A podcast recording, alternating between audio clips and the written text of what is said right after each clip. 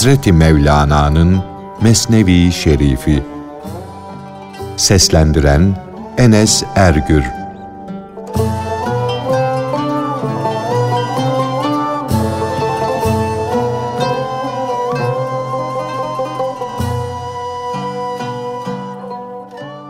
Hayaller ve Düşünceler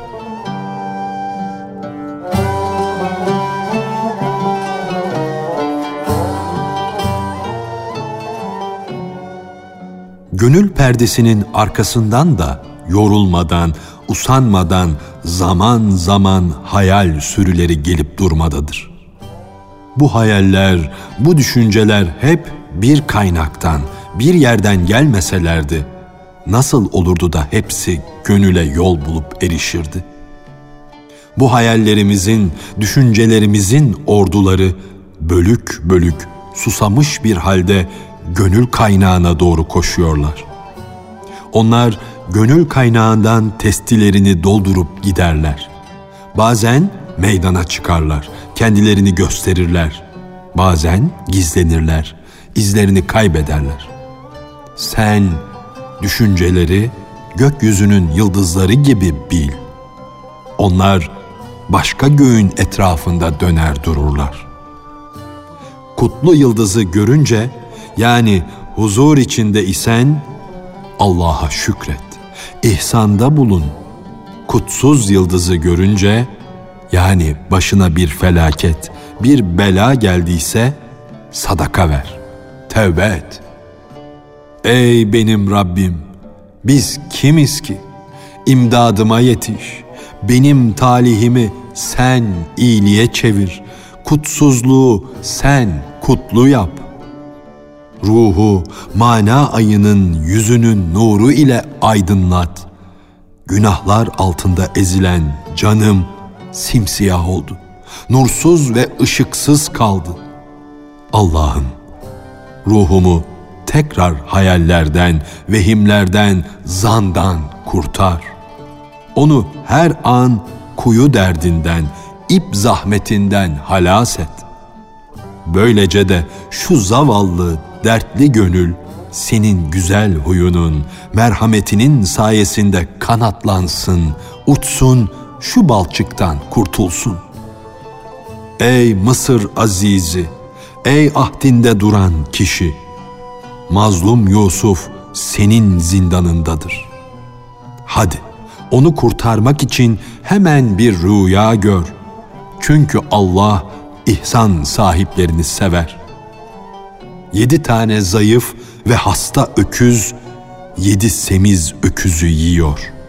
Yedi kuru, bozuk başak, yedi taze yeşil başağı otluyor. Ey aziz! Varlık Mısır'ında kıtlık başladı. Padişahım, bu kıtlığa göz yumma. Ey padişahım, ben senin zindanında kalmış bir Yusuf'um.'' Beni kadınların elinden kurtar. Ben ötelerde arş tarafında idim. Anamın şehveti inin emriyle beni aşağılara bu kirli dünyaya çekti, düşürdü. O tam yücelikten, o yüksek mevkiden bir kadının hilesiyle rahim zindanına tıkıldım. Ruhumu yükseklerden, arştan bu süfli yere, bu dünyaya getirdi. Gerçekten de kadınların hilesi pek büyük. Her şey kadın yüzünden oldu. Yeryüzüne inişim de kadın yüzünden oldu. Ben ruh idim. Nasıl oldu da bedene girdim, beden oldum.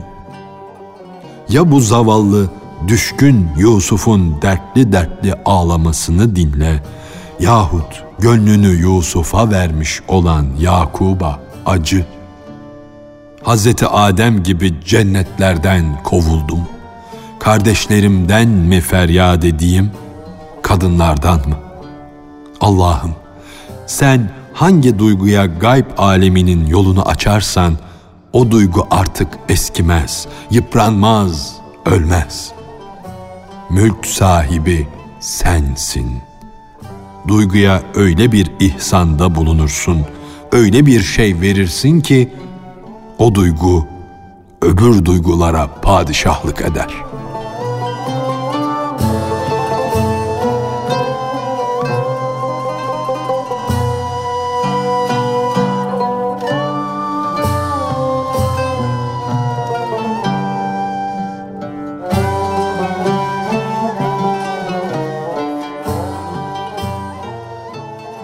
Sultan Mahmud'un bir gece hırsızların arasına düşmesi, onların hallerini anlamak için ben de sizden biriyim demesi.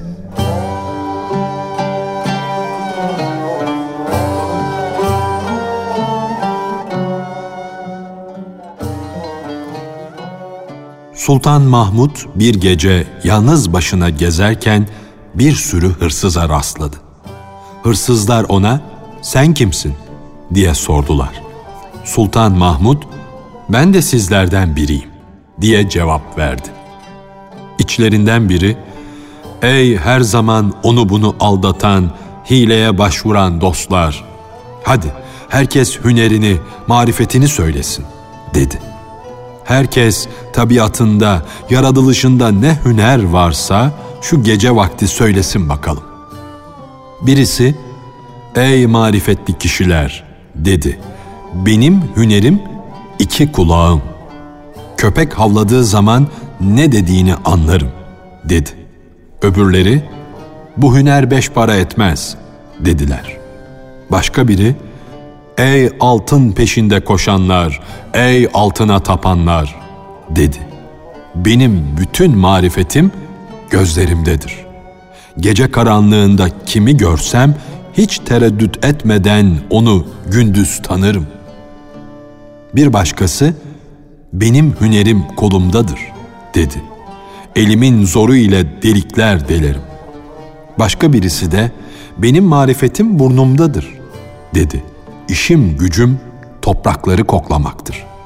Hangi toprakta altın bulunmaktadır, hangi toprak değersizdir, hayrı yoktur, koklayarak bunları anlarım. Hırsızlardan başka biri de benim hünerim pençemdedir. Dağ tepesine kadar kement atabilirim dedi. Bundan sonra hırsızlar Sultan Mahmud'a ey güvenilir kişi senin marifetin, hünerin nedir diye sordular. Sultan benim hünerim sakalımdadır dedi. Onunla suçluları cezadan kurtarırım suçluları cellatlara verdikleri zaman sakalımı oynatınca suçlular kurtulur. Sakalımı oynatınca onları öldürmezler ve o düşünceden vazgeçerler. Hırsızlar sultana dediler ki, bizim reisimiz, kutbumuz sensin. Çünkü mihnet gününde, felaket zamanında senin yüzünden kurtulacağız. Ondan sonra hep beraber yola düştüler. O kutlu sultanın sarayına doğru yürüdüler. Derken sağ taraftan bir köpek havladı. Köpek dilinden anlayan kişi, köpek diyor ki, dedi, sultan sizinle beraber bulunuyor. Öbürü de toprağa kokladı. Burası dul bir kadının evinin toprağı, dedi. Kement atmasını bilen de kement attı. Hepsi o yüksek duvara çıktılar. Toprak kokusundan anlayan bir başka yerin toprağını kokladı. Burası dedi o eşi bulunmayan padişahın hazinesinin toprağı. Delik delmesini beceren duvara bir yumruk attı, duvar delindi. Her biri mahzenden işe yarar bir şey aşırdı. Hazineden birçok altın, altın sırmalı kumaşlar, değerli mücevherler alıp gizlediler. Padişah onların evlerini gördü, öğrendi. Her birinin şekli, adı, sığındıkları yer, gittikleri yol hep aklında kaldı. Padişah onlardan kendini gizledi. Geri döndü. Sabah olunca başından geçenleri divanda vezirlerine anlattı. Hemen açık göz, becerikli çavuşlar yolladılar. Hırsızların her birini yakalayıp bağladılar.'' Onları elleri bağlı olarak divana getirdiler. Hepsi de can korkusundan tir tir titriyorlardı. tahtın önünde durunca geceki dostlarının ay yüzlü padişah olduğunu gördüler. Gece karanlığında kimi görse gündüz hiç şüphe etmeden onu tanıyan hırsız padişahı tahtında oturuyor görünce bu dedi geceliğin bizimle arkadaşlık eden adamdır. Bunun sakalında o kadar hüner, o kadar marifet vardı. Bu tutulmamız da onun marifeti, onun hüneri dedi.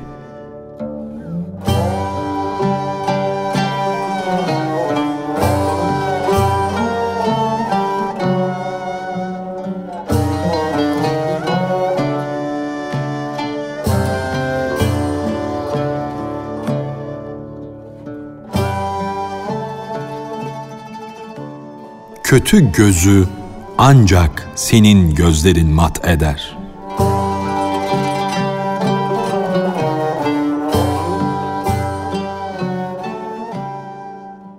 Senin lütfunu, ihsanını gönderdiğin haberini, selamını duyunca kem göz değmesin diye ateşe çörek otu attım ama çörek otuma da nazar değdi.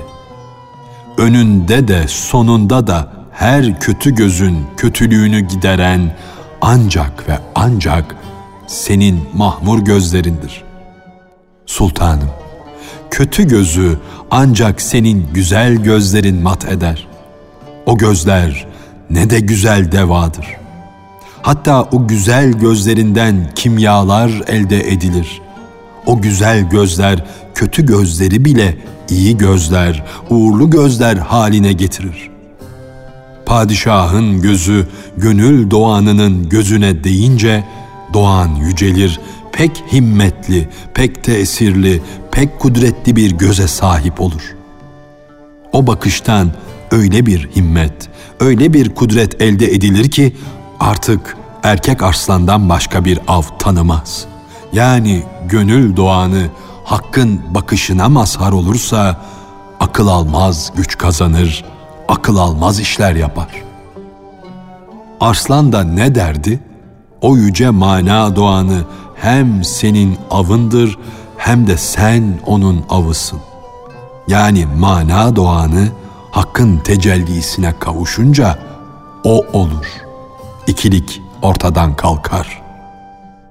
Senin peşinde uçan can doğanına, gönül doğanına bakışların bir kere ilişti de bu suretle sonsuz lütuflarına nail oldu. Akıl almaz güç kazandı.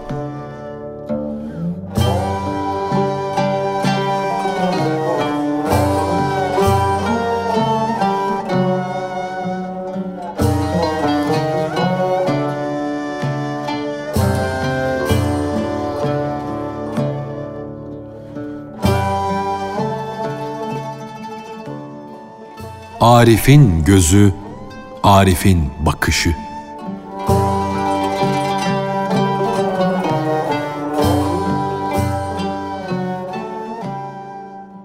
Şunu iyi bil ki Arif'in gözü iki alemde de insana eman verir.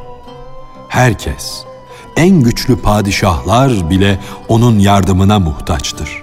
Ondan yardım görürler. Yani hakkın tecellisine mazhar olmuş, hakta kendini bulmuş olan Arif'in gözü artık onun kendi gözü değildir.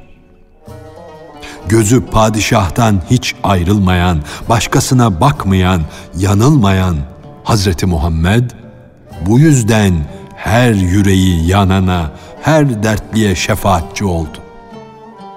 Dünya gecesinde güneş perde arkasına gizlenmişken Hz. Muhammed'in mübarek gözü hakkı görüyordu. Ümidi onda idi. İki gözü de biz senin göğsünü açmadık mı? Seni ferahlatmadık mı? Ayetlerinin sürmesiyle sürmelenmişti. Cebrail'in bile görmeye dayanamadığını o görmüştü. Hak bir yetime sürme çekince onu doğru yola girmiş, eşsiz, nadir bir inci haline getirir. Onun nuru bütün incilerin, cevherlerin saçtığı ışıkları gölgede bırakır. Onlardan üstün olur. Öyle isteyen kişiye hak isteyici kesilir. Kulların halleri, ulaşacakları makamlar, dereceler hepsi, hepsi onun gözünün önündeydi. Bu sebeple Cenab-ı Hak o mübareğe gören şahit adını verdi. Şahit aleti keskin gözü ve dilidir. Onun keskin gözü gece bile görür. Sırlar ondan gizlenemez. Şahidin aleti keskin gözü ve dilidir. Onun keskin gözü gece bile görür. Sırlar ondan gizlenemez. Çünkü Peygamber Efendimiz gözlerim uyur fakat gönlüm uyumaz diye buyurmuştu. Binlerce davacı davaya kalkışsa hakimin kulağı şahittedir. Hakimin hüküm vermekteki hüneri budur. Şahit hakimlerin iki parlak gözüdür. Şahidin sözü gözü yerine geçer. Çünkü o gözü ile garazsız olarak gizli şeyi görmüştür. Davacı da görmüştür. Ama o garaza kapılarak görmüştür.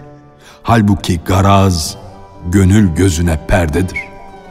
Hak senin zahit olmanı ister. Böylece garazı bırakıp geçmeni, müşahit olmanı arzu eder. Çünkü bu garazlar göze birer perdedir. Göze perde gerilince insan şunu, bunu, her şeyi görmez olur. Peygamber Efendimiz sevdiğin şeyler seni kör ve sağır eder diye buyurdu. Bir kimsenin gönlüne güneşin nuru düşünce onun için artık yıldızların değeri kalmaz. Sırları perdesiz olarak görür. Mümin ile kafirlerin ruhlarının ne makamda bulunduğunu seyreder.''